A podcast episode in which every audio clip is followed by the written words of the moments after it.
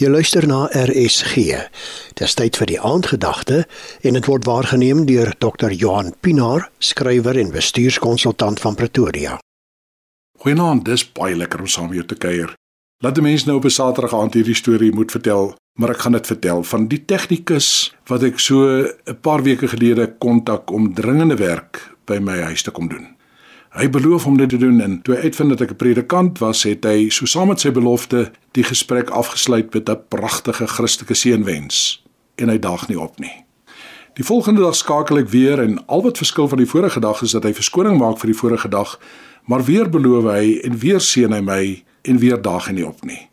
Die derde dag begin ek die gesprek deur vir hom te sê: "Dankie vir die vorige 2 dae se seënwense. Ek het dit regtig waardeer.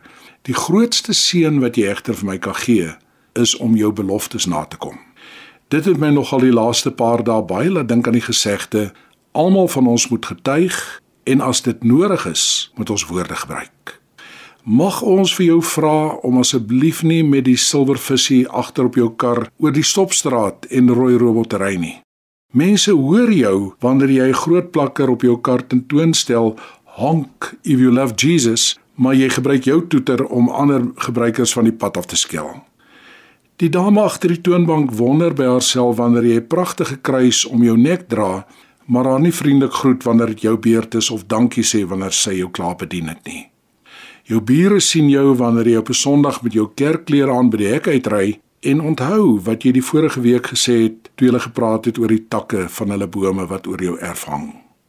Ek lees nou die dag die veelseggende opmerking dat die evangelies in verhouding baie meer berig oor dit wat Jesus gedoen het as oor dit wat hy gesê het. Dalk moet ons as Christene bietjie daaroor gaan nadink. Dit laat my met nuwe oë na Matteus 7 vers 21 kyk. Nie elkeen wat vir my sê Here Here sal in die koninkryk van die hemel ingaan nie, maar net hy wat die wil doen van my Vader wat in die hemel is. Mag ons so lewe. Dankie dat jy hierdie week saam met my gekuier het en die Here se mooiste seën vir jou.